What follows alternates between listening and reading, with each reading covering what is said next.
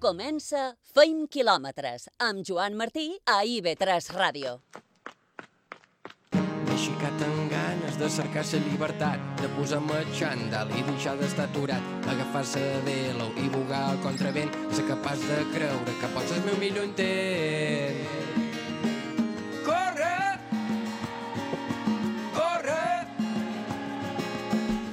Feim ràdio i feim quilòmetres dilluns 18 de gener, programa 216.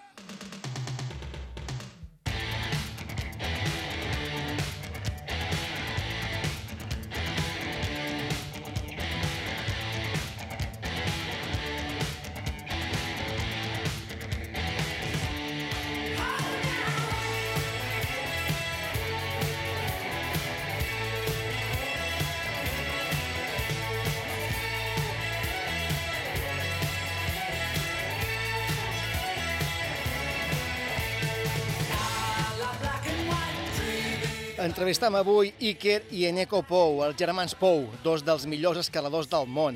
Han escalat a les parets més difícils i han coronat els cims més complicats del planeta. Darrerament, ja fa uns anys, han fet de Mallorca un dels seus camps base.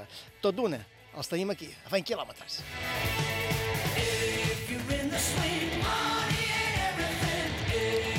Podem contribuir a través de l'alimentació a la recuperació d'una lesió esportiva o ajudar fins i tot a prevenir-la?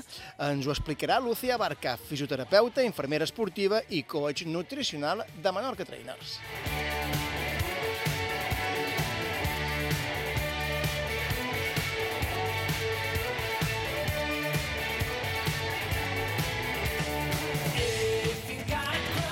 I a la sala de cinema ens endinsarem avui a l'univers Mad Max, concretament a la quarta entrega Mad Max Fury Road de George Miller, quilòmetres trepidants en un món apocalíptic.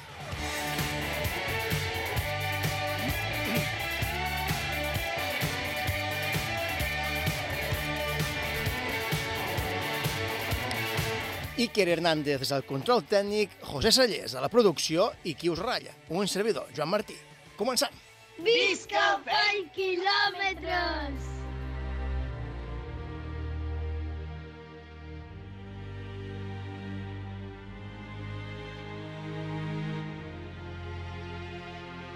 Una persona que no sea montañera o no sea escaladora eh, jamás entendería que seamos capaces de dar tanto esfuerzo, tanto, tanto esfuerzo por una cumbre o tanto esfuerzo por una escalada. ¿no? Había un alpinista francés muy famoso de los 50-60 que se llamó Lionel Terray, fue uno de los participantes de la primera, del primer 8000, ¿no? que fue la Annapurna, una expedición francesa muy conocida en 1950, hizo por primera vez esta montaña.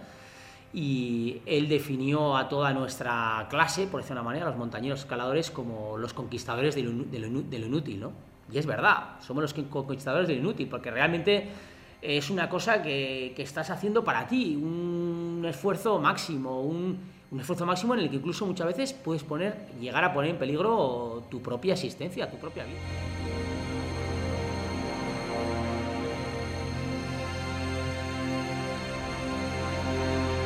L'entrevista. Aquest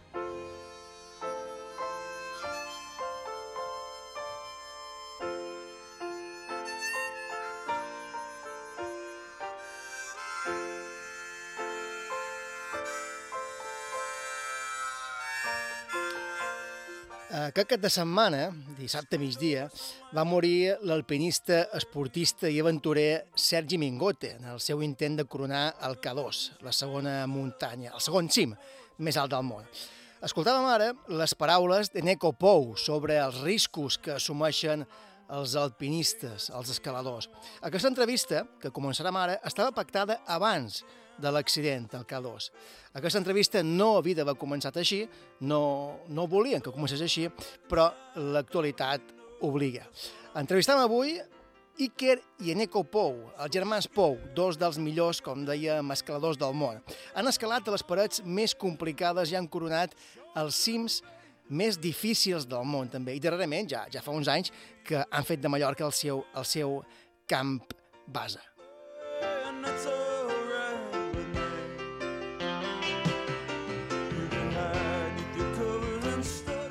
Iker, Eneco, germans Pou, molt bon vespre a tots dos i benvinguts a Fent Quilòmetres.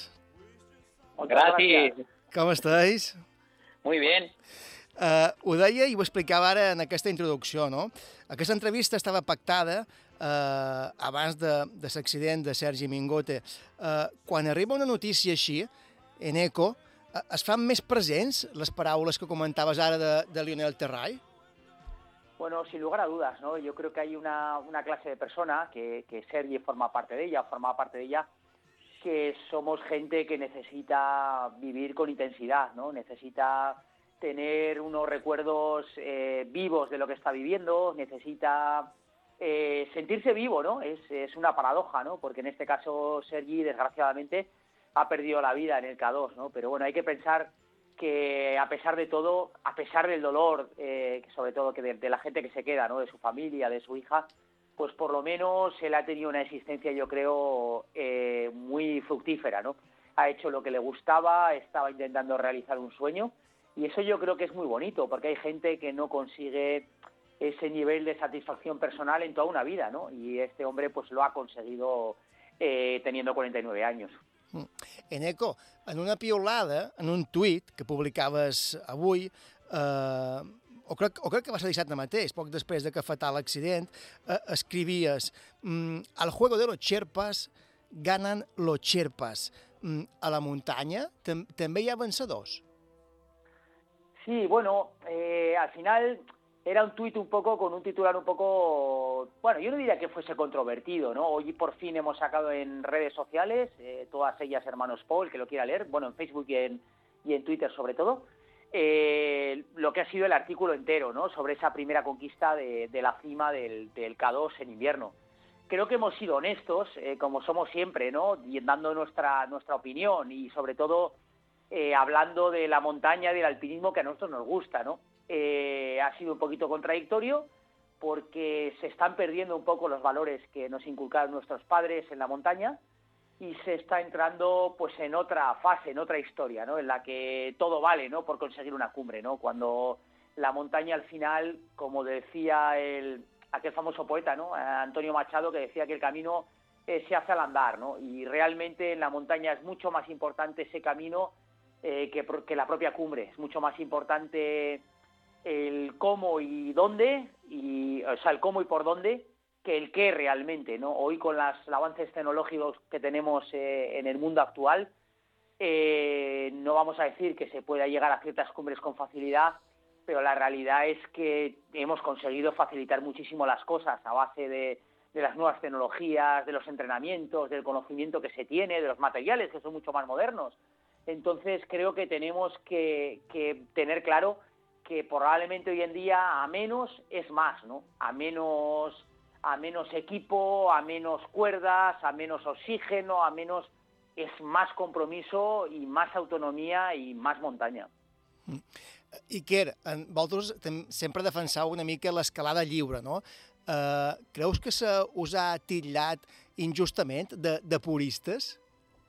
Eh, bueno, eh, Tampoco, ¿no? Nosotros eh, es lo que hemos, eh, bueno, eh, lo que hemos ido viendo en nuestra evolución, ¿no? Nosotros hemos vivido la escalada, pues bueno, pues subir por nuestros propios eh, medios, ¿no? Con pies y manos, nos aseguramos y demás, pero de la manera más libre posible, ¿no? Yo es lo que entendemos, ¿no? O sea, una manera a poder ser lo más limpia y pura, ¿no? en algunos casos, pues bueno, hay gente que sí que nos puede decir, que a veces igual pecamos un poco demasiado puristas, ¿no? Pero es nuestra forma de, de ver la montaña, ¿no? Que hay que intentar hacerlo lo más eh, limpio posible, ¿no? Y esto, pues bueno, no a todo el mundo le gusta escucharlo.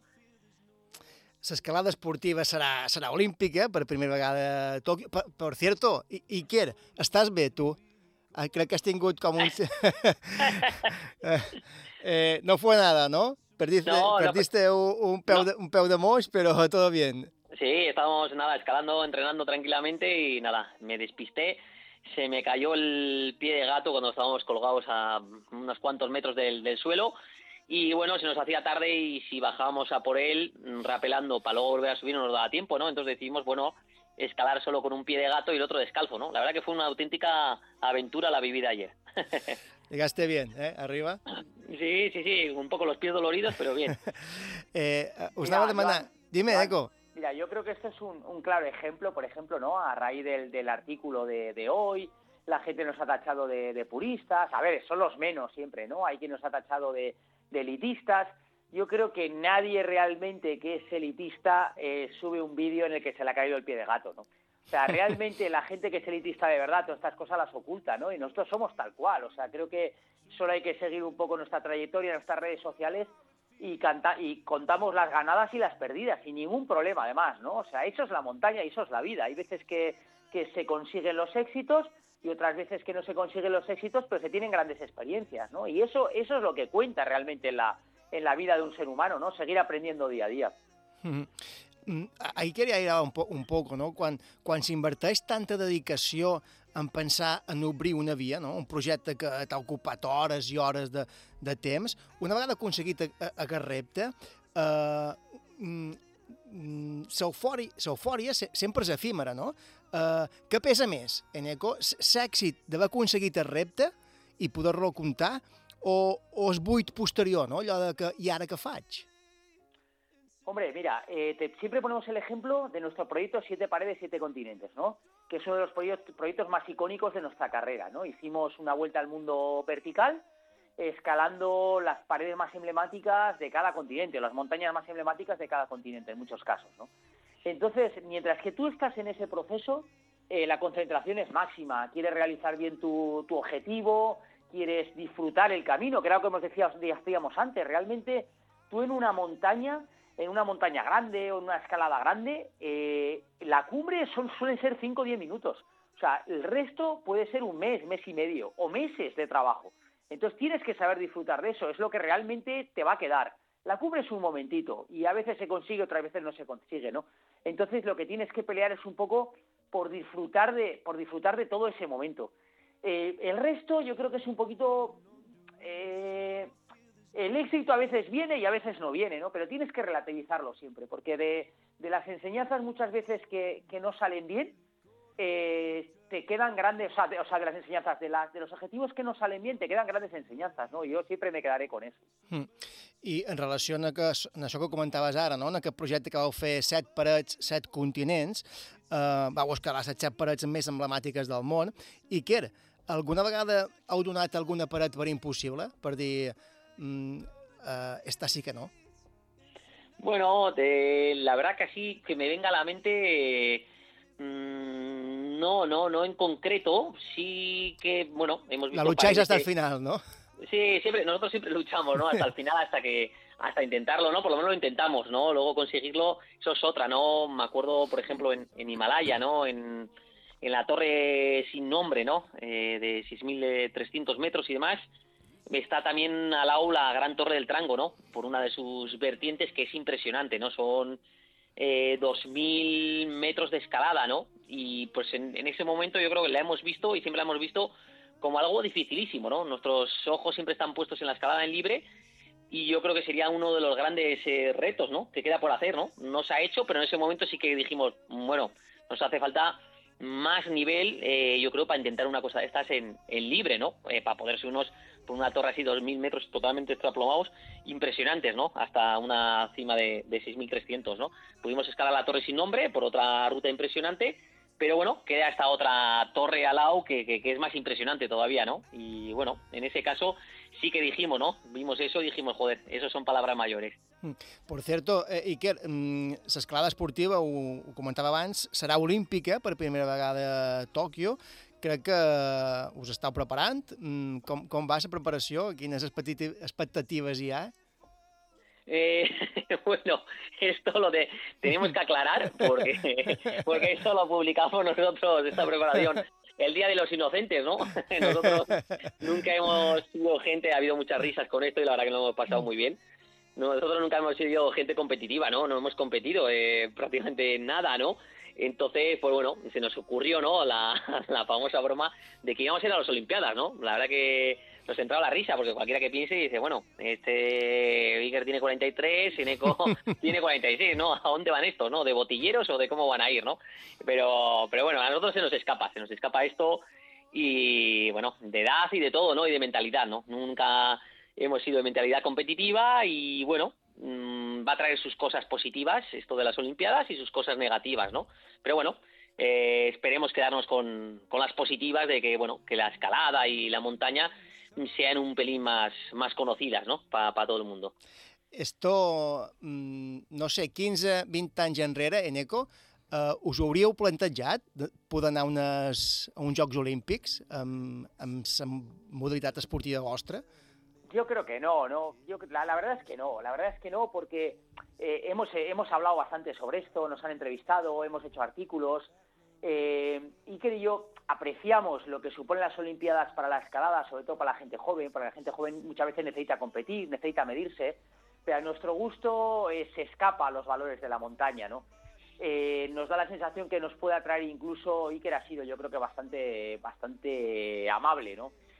Nos puede traer incluso más problemas que beneficios al mundo del monte, ¿no? Porque nos va a traer más, más competición, más cronómetro, más medirse con el de al lado, ¿no?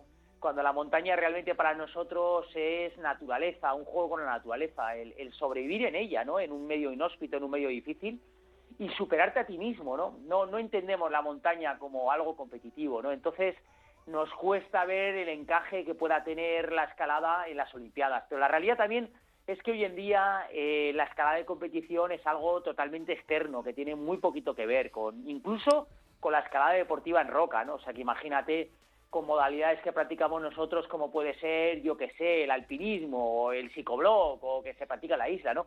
Con modalidades de este tipo, ¿no? No tienen, no, no van a tener nada que ver, ¿no? No, O de, sea, fet, clar, de fet, Iker, eh, vosaltres sempre heu considerat això que de Eneco ara, no? la muntanya més que un esport, un, un estil de vida, una manera d'entendre el món també, una manera de connexió amb la natura. Sí, eso es, ¿no? Lo vivimos como una forma de vida, ¿no? Eh, totalmente, más que como un deporte, también, también como un deporte, pero sobre todo es una forma de vida total, ¿no? Lo que conlleva ello, ¿no? Los viajes, conocer gente, diferentes culturas, mm, diferentes eh, montañas, diferentes paredes, es una, no, no es algo más amplio, ¿no? Que centrarse en lo que es la pura actividad de- deportiva, ¿no? Es, es algo más para nosotros. Entrevistam avui Eneco Pou i Iker Pou, els germans Pou, i tenim també ja als estudis avui aquí a Carlos Sonyer, col·laborador, col·laborador del programa i alpinisme, alpinista també. Carlos, bon vespre, benvingut a, Bon vespre, Joan. al programa. Uh, te present Eneco Iker Pou, endavant, la pregunta tot teu.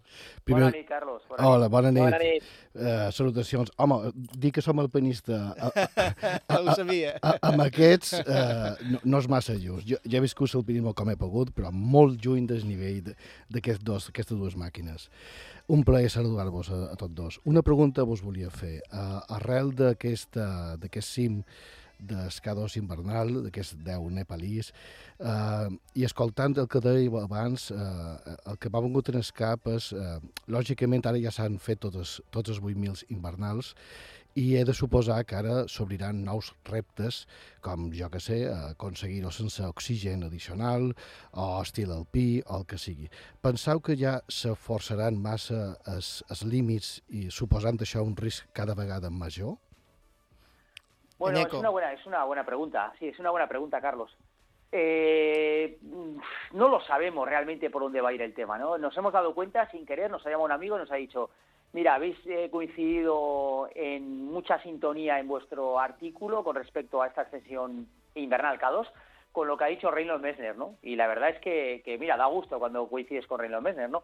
Porque al final él tiene mucha experiencia, se ha movido mucho en estas montañas, nosotros pensamos que, bueno que la dificultad realmente es la que marca la historia del alpinismo la ha marcado históricamente siempre no entonces eh, los 8.000 invernales están todos conseguidos.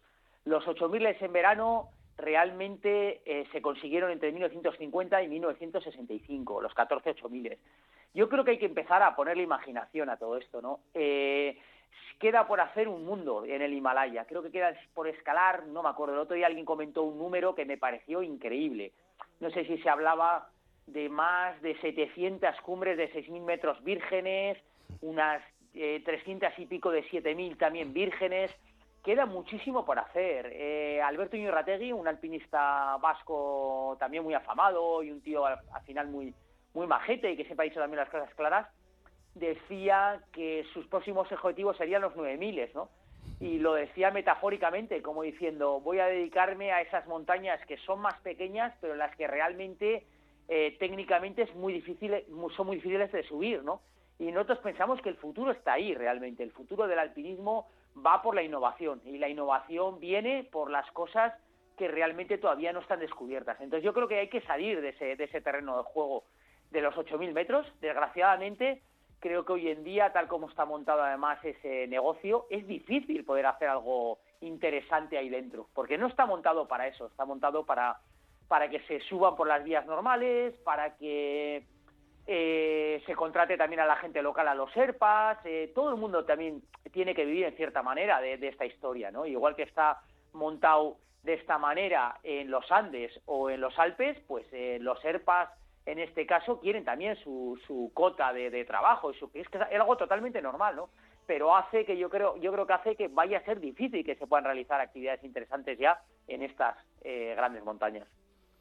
Heu destacat sempre per, per la vostra polivalència a, a, a la muntanya, on en parlàvem abans, heu fet vies complicades, difícils, vies de 8A, 8B, crec, mm, 9, 9A també.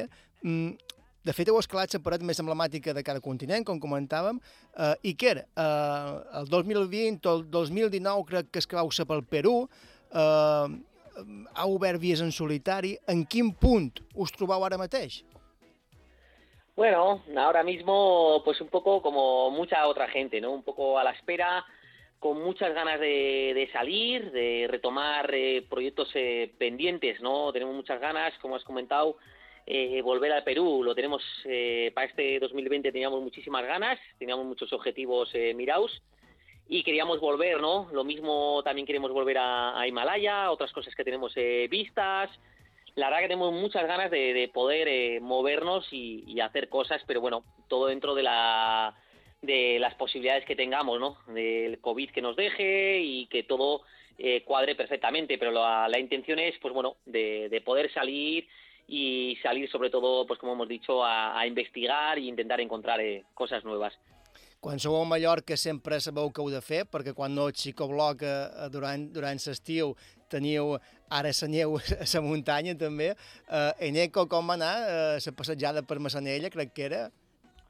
Bueno, pues la verdad es que una auténtica gozada, ¿no? Encontrar las montañas de Mallorca en condiciones para ponerte piola y carampones, pues es algo increíble, ¿no? Increíble porque nosotros llevamos 11 años viniendo, ¿no? Yo encontré las condiciones del 2012, las 2014, que fueron muy buenas, pero no hubo tanto hielo, ¿no? Eh, este año se han dado condiciones muy buenas porque se ha mantenido mucho frío, luego también transformó y está como si fuese la montaña mallorquina, ahora ya se está perdiendo, ¿no? Pero ha estado hasta hace nada como si fuese Pirineos en invierno, Picos de Europa en invierno. Y esto pasa prácticamente cada 10 años, o sea que aprovechándolo al máximo y disfrutándolo como si fuésemos niños.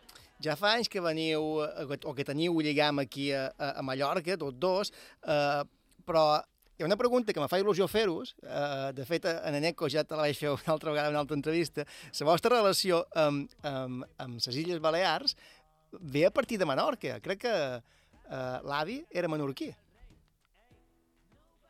Sí, ¿no? Como, como comenta Eneco, ¿no? El abuelo, pues bueno, el abuelo menorquín, de ahí nuestro, nuestro apellido Pou.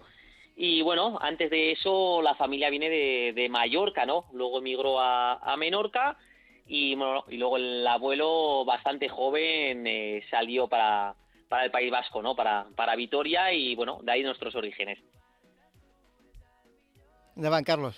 Uh, una altra pregunta que vos volia fer és en relació al tema de rescats, uh, perquè clar, uh, amb, amb aquesta desgràcia que ha passat, uh, per exemple, en Simone Moro, que estava en el base de Manaslu, va fins i tot negociar amb l'exèrcit de Pakistà un helicòpter per poder arribar-hi, i ara mateix tenim en Àlex uh, Golfar, que està desaparegut en el Pastore Peak, aclimatant per el, per el Broad Peak, i el seu fill està fent un crowdfunding per aconseguir 60.000 dòlars i tal. Um, totes aquestes grans dificultats que són comprensibles per al joc hostil i per sa, sa, tota la complexitat que suposa arribar-hi, eh, penseu que hi ha alguna manera més eh, viable de poder accedir eh, a, a, un, a un alpinista que necessita ser rescatat en, a Himalaya?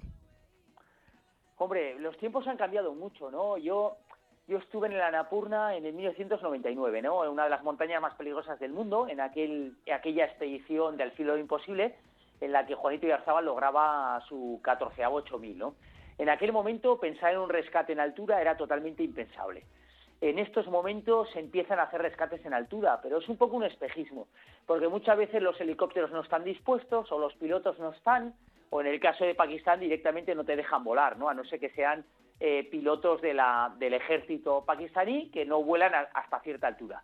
Entonces yo creo que no hay que moverse en Himalaya pensando en la posibilidad de un rescate, porque es muy probable que este rescate no llegue nunca, ¿no? Con lo que conlleva también para familia, para amigos, para, bueno, yo qué sé, ahora estabas hablando de, estáis hablando de esta gente, Carlos, pero tenemos un ejemplo muy cercano. Nosotros, yo cuando empecé a llegar a la isla, tuve la oportunidad y además el placer de conocer a, Tolo Calafat, ¿no? el que fue uno de los grandes alpinistas de, esta isla, además un tío encantador, ¿no?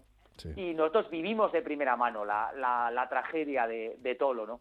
Entonces hay que, pensar que, por mucho helicóptero que parezca que haya y demás historias, hacer un rescate ahí es realmente difícil. Hoy hemos mandado, le hemos mandado un mensaje a Tamara Lunger, eh, a la compañera de expedición de Simone Moro. Simone Moro se encuentra en Manaslu, Tamara Lunger se encontraba con Sergi Mingote en el K2 y Tamara Lunger se les murió Sergi, por la información que me ha llegado hoy, en las manos, ¿no? O sea, Sergi, por lo que se ve, por lo que tenemos entendidos, eh, sobrevivió a la caída eh, fueron a auxiliarle, eh, Tamara contactó con Simone, que además es piloto de helicóptero, maneja además los rescates en Nepal, Simone intentó hacer lo imposible, pero no pudo ser, ¿no? Y al final se les murió Sergi en, las manos. Eh, le hemos mandado un mensaje hoy a, Tamara, justo antes de iniciar esta, esta entrevista, porque es una chavala encantadora que, que además es muy sensible para estas cosas, ¿no? Y nos consta que lo está pasando muy mal. Además, eh, para los que no lo sepáis, una, una gran amante de, esta isla también. Ha estado visitándonos en dos ocasiones aquí en, casa en Mallorca. Es una muy buena escaladora, le encanta la isla y bueno, le hemos mandado un beso enorme desde, desde la isla que seguro que, que le va a venir muy muy bien. Eneco Pou Iker Pou, els germans Pou. Ja ho hem dit abans, aquesta entrevista estava pactada abans del fatal accident a, a Sergi Mingote. Desgraciadament ha coincidit eh, amb la mort de, de l'alpinista català, però hem volgut parlar amb ell dos sobre els riscos també que comporta l'alpinisme i també les alegries que dona a la gent que, que el practica perquè en fan d'ell un, un estil de vida. I Neko Pou, dos dels millors escaladors del món, avui aquí, a Fan Quilòmetres. Moltes gràcies a tots dos per haver estat avui aquí al programa i, i molta sort també en els nous projectes, siguin al Perú, siguin allà on siguin, siguin també aquí eh, eh, eh, a Mallorca, eh, a, en psicobloc, escalada lliure o a Tòquio, és igual. Sempre us, uh, us seguim de prop. Iker, Eneco, un abrazo grande a los dos. Nada, a vosotros. Muchas gracias. Per tot a vosotros. Adéu. Un abrazo Adéu. Adéu, adéu, Carlos, no te'n vagis perquè continuem amb tu. Feim una aturada per la publicitat i res, tornant tot d'una.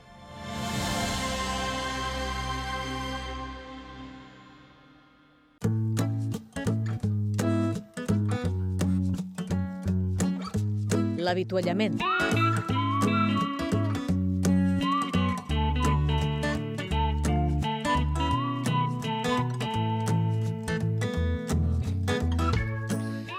Continuem aquí, eh, fent quilòmetres, a la sintonia d'Ibeta Ràdio. Obrim consulta, tenim ja Lucía Barca, fisioterapeuta, infermera esportiva i coach nutricional de Menorca Trainers. Bon vespre, Lucía. Bon vespre, com estàs? Molt bé, i tu? Bien, també. També. Parlem avui de, de nutrició i de com influeix l'alimentació en la prevenció o cura de, de lesions. Eh? Poden contribuir a través de... o poden contribuir a través de l'alimentació eh, la recuperació d'una lesió esportiva o ajudar fins i tot a prevenir-la? Pues mira, aunque la evidencia científica no es excesivamente amplia, se está, se está estudiando mucho sobre el tema, parece que una buena planificación a nivel nutricional uh, puede ayudar en la prevención de lesiones. Y nos dicen que esto podría uh, incluir pues evitar déficits de energía en la dieta, uh, una buena recuperación de los depósitos de glucógeno, un balance de proteínas positivo, um, alimentos de calidad nutricional, mantener unos niveles adecuados de vitamina D, por ejemplo, o un perfil de lípidos mm, adecuado, y cuidar la hidratación del deportista y, y evitar el alcohol. Todos estos parámetros, uh, entre, entre, otros, nos dicen que efectivamente nos pueden ayudar a, a, esta recuperación de una lesión o incluso a prevenirla. El fet de, de modificar certes estratègies nutricionals ens pot ajudar a accelerar la recuperació d'una lesió? Sí, lo cierto es que mm, la nutrición mm, nos puede mm, ayudar a contrarrestar el impacto negativo de una lesión, ¿no? Eh, que yo creo que es una pieza clave. Uh, los objetivos que pautaríamos en, en, estos casos a nivel eh, nutricional serían para mantener una adecuada composición corporal, intentando, pues, lo primero, no aumentar el porcentaje de grasa corporal, ¿no? Uh, favorecer y mantener también la masa magra del deportista o, o minimizar eh, su pérdida. Y también yo creo que evitar posibles deficiencias de energía, ¿no? Añadir suficientes proteínas a la dieta y, otros nutrientes para favorecer esa recuperación y también la cicatrización de, del tejido en caso de que haya habido un, un, daño, por ejemplo, tisular a nivel de musculatura o a, o a nivell tendinoso. Quines altres consideracions hauríem de tenir en compte? Pues mira, yo creo que para apoyar una recuperación de, de un lesionado y volver lo antes posible al entrenamiento o, bien a la competición, pues es clave un trabajo multidisciplinar, ¿no? Con eh, trabajar conjuntamente con el médico, con fisioterapeutas, con entrenador, ¿no? Donde la nutrición pues sería una pieza importante. Uh, y esto ya se tiene en cuenta en el, en, en el deporte profesional, ¿eh? ya sean lesiones leves o lesiones graves y por supuesto lesiones traumáticas o lesiones que requieren una inmovilización y por supuesto se tiene muy muy en cuenta en todo el tema de, de posoperatorios. Mm, I molt, Lucía, de, de la importància de les proteïnes en la recuperació també, sobretot en lesions musculars. Eh, és així?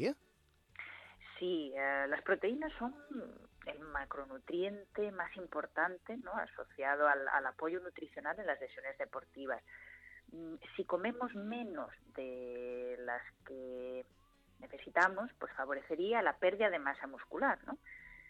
según los estudios que hay, una ingesta elevada de proteínas pues nos beneficiaría ¿eh? a esa recuperación.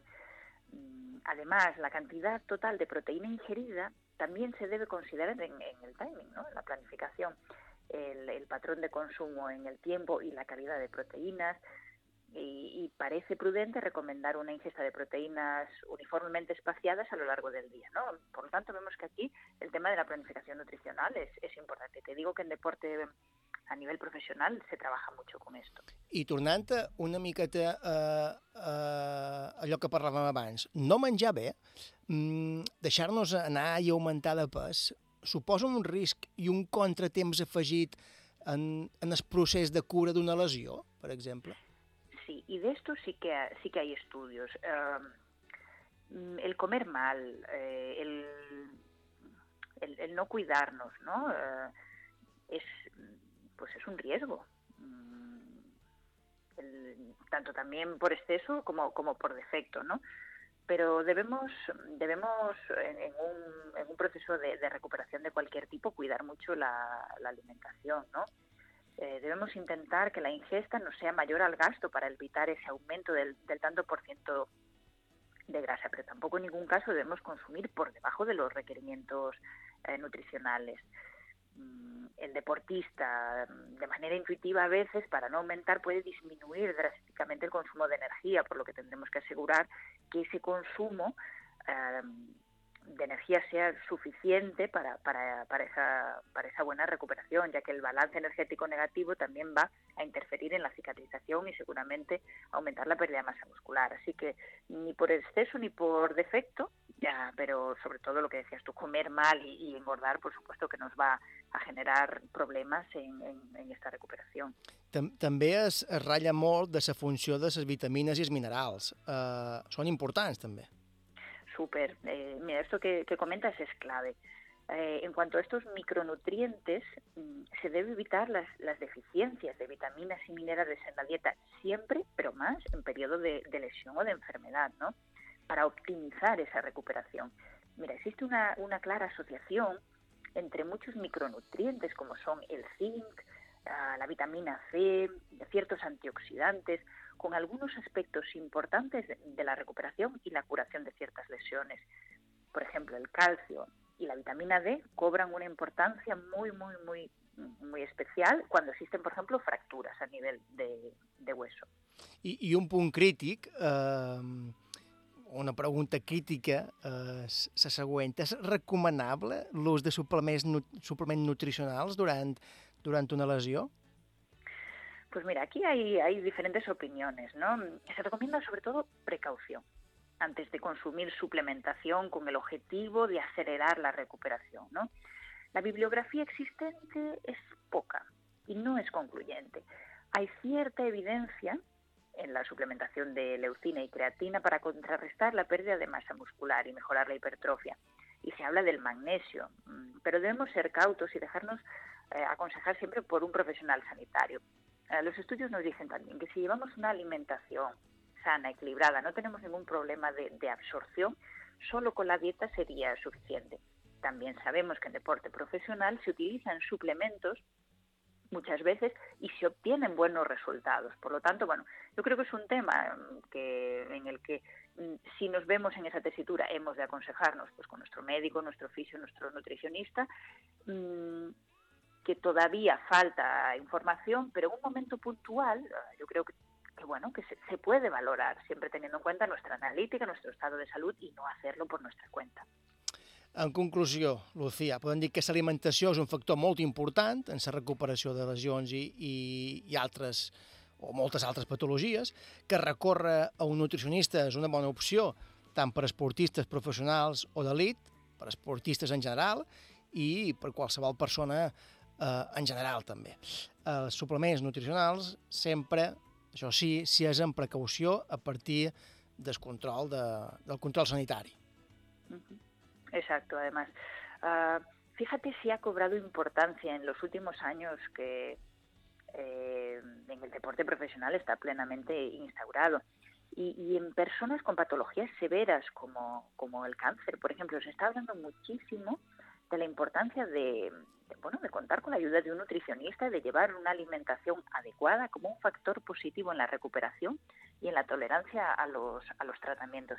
Y lo hemos hablado muchas veces aquí también, el hecho de llevar una dieta sana y equilibrada en muchas personas podría suponer un factor positivo en su salud y podría evitar la toma de, de muchas medicaciones.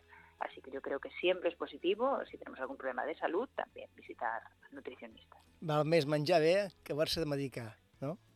Sí, desde luego. Lucía Barca, fisioterapeuta, infermera esportiva i coach nutricional de Marga Trainers. Uh, sempre aprenem, sempre aprenem coses en, en Lucía. Uh, uh, escolta, Lucía, uh, t'esperem la setmana que ve, val? Aquí estaré, claro. Una abraçada, fins dilluns. Una abraçada, fins dilluns. Adéu. Adéu, adéu. Converses per sortir a córrer. El llibre de Fent quilòmetres. Disponible a les llibreries. It's been years since they told her about it. The darkness her body possessed. And the scars are still there. Fem una aturada per la publicitat i tornem tot d'una. Ens endinsam avui en l'univers de Mad Max, quilòmetres apocalíptics. Feim quilòmetres.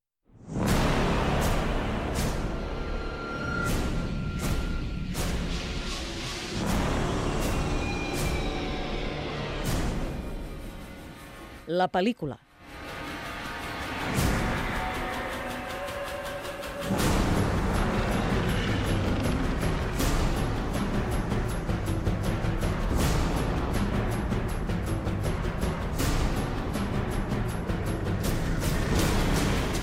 I amb aquest ritme trepidant entrem ja a la sala de cinema. Ens endinsam avui, com bé deia abans, a l'univers Mad Max, concretament a la quarta entrega de la saga, Mad Max Fury Road, de George Miller.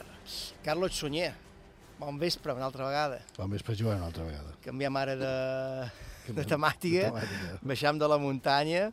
Uh, escolta, som davant una, un dels grans espectacles cinematogràfics de, dels darrers anys, podríem dir, no?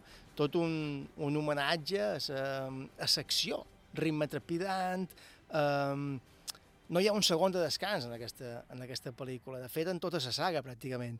Uh, és contínua um, i a més el rodatge està, rodat a la perfecció, podríem dir.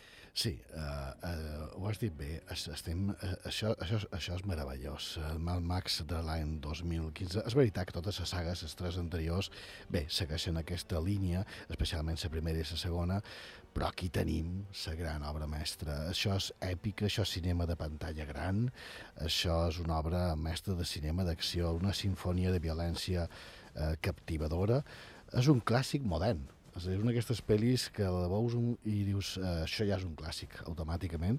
Un espectacle wagnerià de muntatge eh, cinematogràfic i eh, a sobre, eh, en totes les eh, dificultats que va suposar el rodatge, després ho explicaré, aquestes 10 nominacions a l'Oscar són merescudes, en va dur 6, i d'un director, director, en George Miller, que el millor que ha fet és Mad Max, perquè si te dic que la pel·lícula que havia fet abans era Happy Feet, és que és difícil de creure.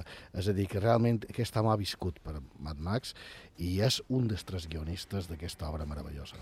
La banda sonora que escoltam de fons també acompanya i molt bé i reforça de manera excel·lent aquesta sensació de, de velocitat constant. Sí, eh, en, en Junkie XL, que és un DJ i un productor, eh, de fet XL vol dir Expanding Limits, és un, home, un, un holandès que va, va aportar aquesta, aquesta banda sonora meravellosa, que junta amb un so increïble, unes imatges es, espectaculars. Te diré més, hi ha detalls fins i tot com aquest guitarrista eh, espectral que hi ha davant d'un dels camions que aporten tanta adrenalina i tant vitalisme eh, agressiu que fan que tots siguin peces que transmeten això, eh, eh, violència, però no, no gratuïta, és a dir, controlada, i, i quan, el moment que comença és un tren des que ja no pot baixar com a espectador. Mad Max, Fury Road, amb Tom Hardy, Charlize Theron. Uh, aquesta és la darrera entrega d'aquest univers Mad Max, uh, del 2015. La primera va ser Mad Max Salvatges d'autopista, del 1979.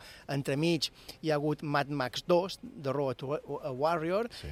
i Mad Max Beyond Thunderdome. No? Sí.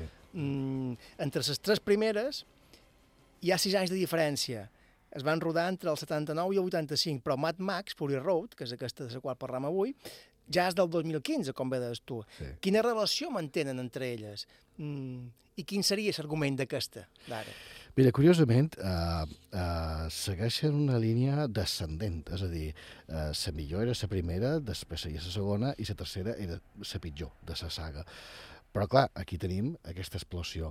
Sí hi ha una linealitat, perquè, clar, en, en Max, Mad Max és el loco Max, eh? en Max eh, Rokatansky, aquí, aquest policia que va matar la dona i el fill, clar, tota la seva vida en aquest món eh, postapocalíptic és de sobreviure tot sol, sobreviure tot sol, fugir dels altres, eh, aconseguir el combustible, cercar-se la vida, i en aquest cas, clar, queda atrapat i venut per, en, els, eh, en els War Boys com a bossa de sang, que això ja és molt, és molt simbòlic, i coincideix amb aquest fet de, de Simperator Furiosa, de la meravellosa Charlize Theron, que se subleva. Simperator Furiosa és una dona, la dona d'un tinent de l'Immortal John. Immortal Joe és aquest líder quasi feixista, no? aquest referent a que to- tots segueixen de manera cega, i aquesta dona escapa eh, eh, amb un camió de cisterna blindat. I, i en Mad Max se veurà eh, vinculat en, aquesta, en aquest comboi, al principi amb molta, amb molta hostilitat entre aquests dos, i al final eh, uniran ses forces per continuar la fugida. La primera escena que comentarem s'inicia quan Imperator Furiosa, interpretada per Charlize Theron, ha robat eh, les cinc reproductores, que són les cinc esposes d'en Joe, el, el líder tirànic i, sí. i mm, immortal de, Sí. dels War Boys, mm, que són joves destinades a la reproducció i descendència d'en Jou, no? Sí. Eh, la lluita d'Imperator Furiosa s'ha vist també com un clar missatge feminista.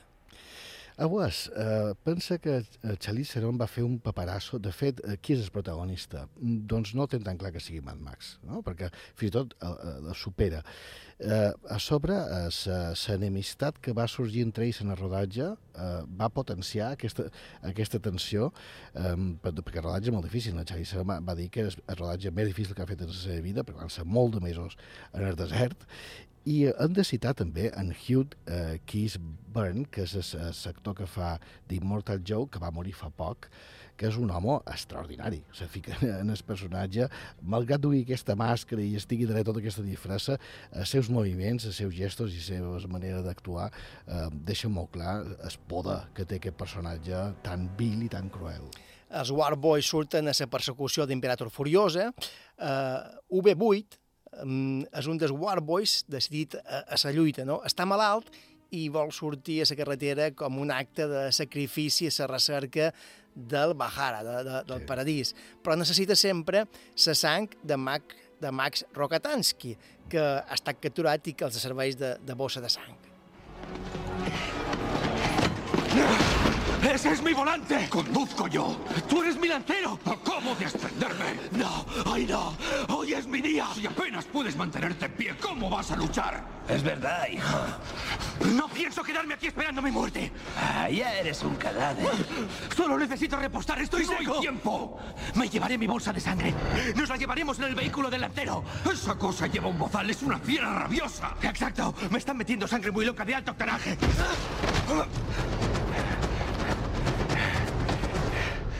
Si voy a morir, haré historia en la carretera.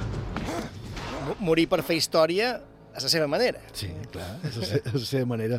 M'agrada moltíssim la manera accelerada, visceral, eh, descontrolada d'aquests War Boys, que tots eren actors que estaven molt en forma. De fet, durant aquests mesos duen un, tot un sistema d'exercicis de, de, i d'una planificació d'estat de forma eh, meravellosa. A Namíbia, això se va fer al desert de Namíbia. Escolta, vivien, vivien, a, vivien a caravanes o fins i tot a cotxos. És a dir, que, que eh, aquí en, en George Miller se va, se va assegurar de que se ficassin tots en aquest paper. I aquest, aquest passar la vida real completa que està més enllà, perquè clar, que tots aquests no són purs, eh, és a dir, per, per mort de la radiació tenen una caducitat molt curta i per això aquestes joves velles i sense malalties derivades de la radiació són tan importants. Però tots aquests moriran joves, no? tenen malformacions i es posen malalts de manera fàcil. Per, per tant, l'única manera d'anar més enllà és lluir-se amb un sacrifici. Clar, i a la següent escena, eh, UB8 eh, està ja ferit de mort i finalment s'immola, i abans del suposat sacrifici de, de morir fa un gest simbòlic, no? Mm, Immortan Joe li concedirà la vida eterna que només ell li pot concedir, la ultraterrenal.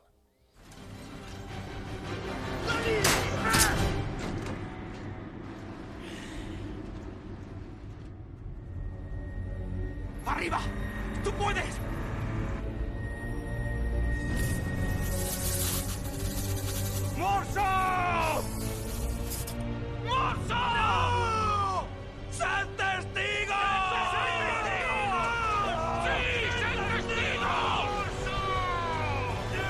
Ser testigos de com ara m'immolaré, no? Sí, sí. Creença cega amb Immortan Joe i amb aquesta vida ultraterrenal que els promet. Sí, clar, perquè d'aquesta manera, amb aquests sigueu testimonis, eh, eh, poden complir això que tant tant s'ho i, i, i, i, i amb, una, amb una acció acceleradíssima. Recorda un poc a la fura dels baus de seus inicis, no? aquesta manera de corporal i tan, mm -hmm. tan gestual, aquests moviments, aquestes acrobàcies, aquests llancers que es mouen de banda salta, que era real, era real, ho feien, a pesar que duen molta seguretat. És a dir, un espectacle i aquests s'han de lluir per poder anar al Bahara. Clar, tot això encara queda més clar en la següent escena, quan Nux no té sortida i també està a punt d'immolar-se, no? Uh, va directe cap al camió d'Imperator Furiosa i vol que Max sigui testimoni de com ascendirà uh, el Bahara, el, el paradís. ¡De camino al Valhalla! ¡Atestíguame, bolsa de sangre! Clar, hi ha aquí també un clar paral·lelisme amb, amb els terroristes islamistes. Clar, quan diu de Camilo al-Bahara sembla, Mm. que, sembla que diu uh, a l'agua va, és a dir, és, és molt semblant al moment d'immolar-se. I aquesta escena de, la- de la tempesta, uh, molt recomanable. De fet, en George Miller va fer molta feina amb això. Aquesta arena, aquest foc, aquest sofre, són tan reals, volen d'una manera tan increïble, és a dir, uh, estàs de dins, estàs de dins d'aquesta tempesta de, de sorra. I arribam a l'altre moment crític, quan Imperator Furiosa i Mad Max han lluitat ja junts contra Immortan Joe i els War Boys, i ara necessiten que els bikers els ajudin a evitar que siguin atrapats, no? Arriben a un acord d'intercanvi de combustible, però, però no surt bé. It's all here! 3,000 gallons of gasoline, just like you asked. Clar, Imperator Furiosa diu, ho tens aquí, els 3.000 galons de combustible que havien acordat. Galons, unitat aquesta de mesura anglosaxona, no? Sí. Però el líder dels bikers no esperava tant de perseguidors i aquesta, aquesta escena tal vegada potser recorda fins i tot eh, a la primera entrega no? de Mad Max, on la falta de combustible eh, és una constant eh, entre constant, una Sí. constant recerca per part dels motoristes. Sí, tant a la pel·li del 79 com la del 81 és un dels grans referents, un dels grans punts de la pel·lícula. I m'agrada molt aquell moment de la pel·li, que ja està bé cap al final, perquè és una pausa, i una pausa molt tensa, on després es posaran a córrer. Però és que abans han ha hagut aquest córrer intern, aquesta tensió d'estar a punt de fugir perquè saben que la cosa se complica i aquests bikers no els ajudaran. És No, dir que, no, no. A més, la persecució també, ritme i secció... Per tant, és- seguim endavant i seguim corrent. Sí. I els bikers aquí recorden molt també a la primera entrega, Moltíssim, moltíssim. Clarament on s'hi connectant. tenen una clara presència. Sí, sí, i en la mateixa, mateixa vestimenta, les mate mateixes mot- motors, és a dir, que és com un enllaçant, la primera part. Sí. I, I ja per acabar, quilòmetres apocalíptics, per què? A- Apocaliptis, perquè, clar, eh, es, es, està més enllà del que ha passat en el món. És a dir, el que passa que està molt bé perquè no, no, no arribem a saber també què va provocar aquest apocalipti, no? Però sí que, sí que eh, insisteix també, es, es, fins i tot els, actors van experimentar el que és córrer i fer quilòmetres en un desert. És a dir, que ells van veure, van viure el seu propi Mad Max en el rodatge. Mad Max, Fury Road, amb Tommy Hardy i Charlize Theron, la darrera entrega de l'univers Mad Max. Com bé dèiem, quilòmetres apocalíptics. Res, fins aquí el, el programa d'avui. Al final hem, hem hagut de córrer, Sí, eh, Carlos? sí, sí. Eh, Com- com a sa pell, com a sa Sí. Tornem, tornem la setmana que ve. Tornes la setmana que ve. Sí, sí, tornarem. Uh, companys, bona nit. Salut i quilòmetres. Fins dilluns. Hello, darkness, my old friend. I've come to talk with you again. Because a vision softly creeping left its seeds while I was sleeping. And the vision that was planted in my brain still remains.